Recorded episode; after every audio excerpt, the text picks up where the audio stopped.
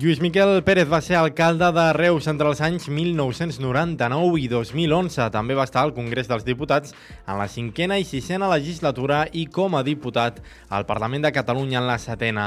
Llicenciat en Filosofia i Lletres i especialitzat en Història Contemporània, Pérez és des del 2019 el president del Centre de Lectura de Reus, on ha renovat per un segon mandat fins al 2025. Lluís Miquel Pérez té una àmplia visió del territori i defineix a Josep Poblet com el millor alcalde que hi ha hagut al territori. I com a president del centre de lectura era inevitable veure l'evolució del centre. Tal com va fer la presidenta del Círcul de Reus, Patricia Tarradellas, Lluís Miquel Pérez també creu que la gent ara només vol serveis i que poca gent es fa sòcia. Eh? O sigui, aquest és un dels avantatges i també una de les, de les debilitats, no? perquè abans eh, passa moltes entitats. Eh? Pot passar als ploms, o pot passar al nàstic, o pot passar a qui sigui. Eh, doncs la gent era de... Eh? O sigui, els seus fills, quan eren petits, ja els apuntaven. No? Jo sóc dels ploms. Eh? Ara això ja no és tan així. No dic que també sigui així. Ara la gent el que vol són serveis.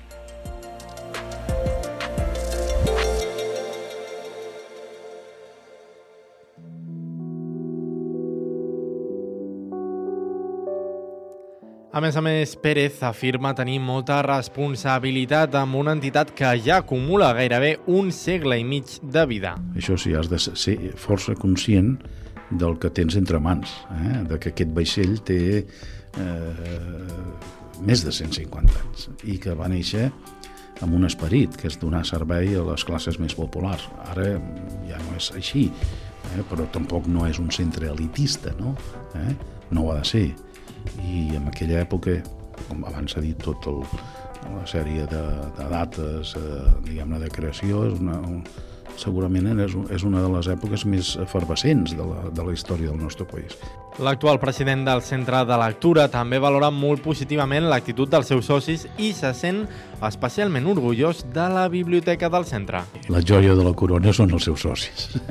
No, que són els que aguanten l'entitat, aguanten aquesta trajectòria eh, més que centenària, que creuen en el centre, eh? i això és la joia. Ara, si anem eh, des del punt de vista fàctic, doncs la joia de la corona és la biblioteca. És una biblioteca que només es pot comparar amb la de l'Ateneu Barcelonès i un altre, però que aquesta ja és oficial, doncs a la Biblioteca de Catalunya, no? L'exalcalde de Reus també va fer menció a l'àrea metropolitana perquè Pérez creu que és un concepte que està latent al territori i que molta gent ja ho concep però que fora de Tarragona és difícil de veure i encara falta articular-ho bé. Uh, una vegada la Generalitat, oh, trencam, aquí no hi haurà prou, prou gent, diguem-ne, per mantenir això. Dic, home, no ho sé. O és que el tramvais, eh, sí, dic, però trambassors no tant. I, a més, això se fa més a més o es fa amb el conjunt, el finançament? Perquè, clar, aquí l'estiu la demanda serà 3-4 vegades més que l'habitual. No? I bé, això, doncs, jo crec que és una cosa que està com a... està latent, però encara no està allò articulada ben bé per allà on ha de passar.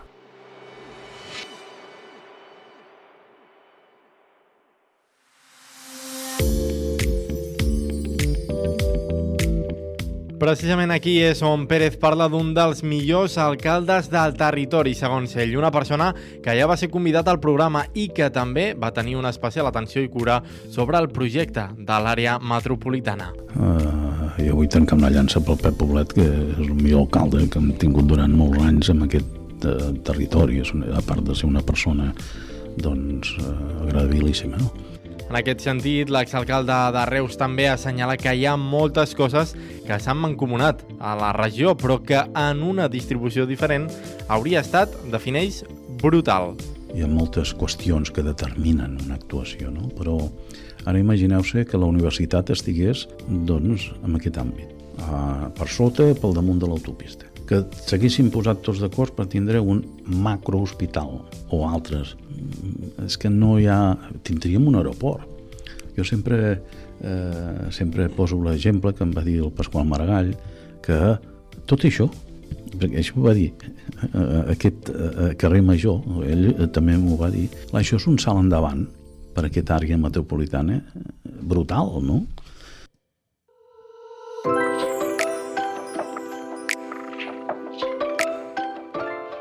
Sobre la situació política a nivell europeu i el que està succeint a altres països del món, Pérez creu que no té una explicació, però que els missatges de l'ultradreta estan calant a la societat. Crec que a Europa el que falla és la socialdemocràcia.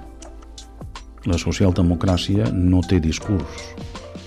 I clar, va penetrant per sota doncs, eh, totes les tesis de la ultradreta, no? Eh, la migració, eh, totes aquestes qüestions que són complexes, eh, però necessàries. Europa sense immigració no, no xutaria, eh? Ara, això no vol dir carta blanca per tot, s'ha de regular. Ara Europa ha fet tot un, no sé, un protocol de com abordar aquesta qüestió, salvaguardant els drets humans, però també, vull dir, no, no carta blanca per tot, no? D'altra banda, Lluís Miquel Pérez matisa què és el que diuen els socialistes sobre el reconeixement d'un estat espanyol plurinacional. El discurs de la dreta i de l'ultradreta, aquesta ja donem-la per... Mm? Què fa els socialistes? Bueno, el que fa és el reconeixement de que l'estat espanyol és un estat plurinacional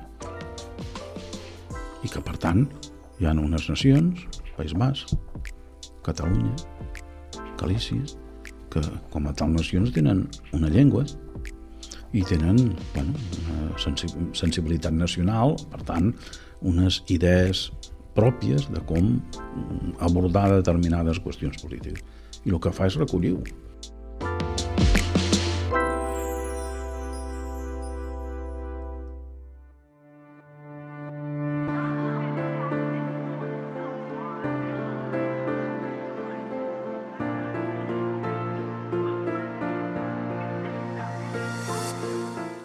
Per acabar, el nostre convidat, Lluís Miquel Pérez, ens va deixar una reflexió del món de la política, però que també podríem extrapolar a qualsevol àmbit de la nostra vida i també del nostre dia a dia. Una reflexió que busca fer-nos menys egoistes i també més empàtics amb el que ens envolta. Però, doncs, eh, sapigueu en quin món estàs, i saber què pots fer per la prosperitat d'aquest món, o d'aquest estat, diguem-ne, o per la gent que viu en aquest estat. Lluís Miquel Pérez ha estat el convidat d'aquesta setmana del nostre Distàncies Curtes.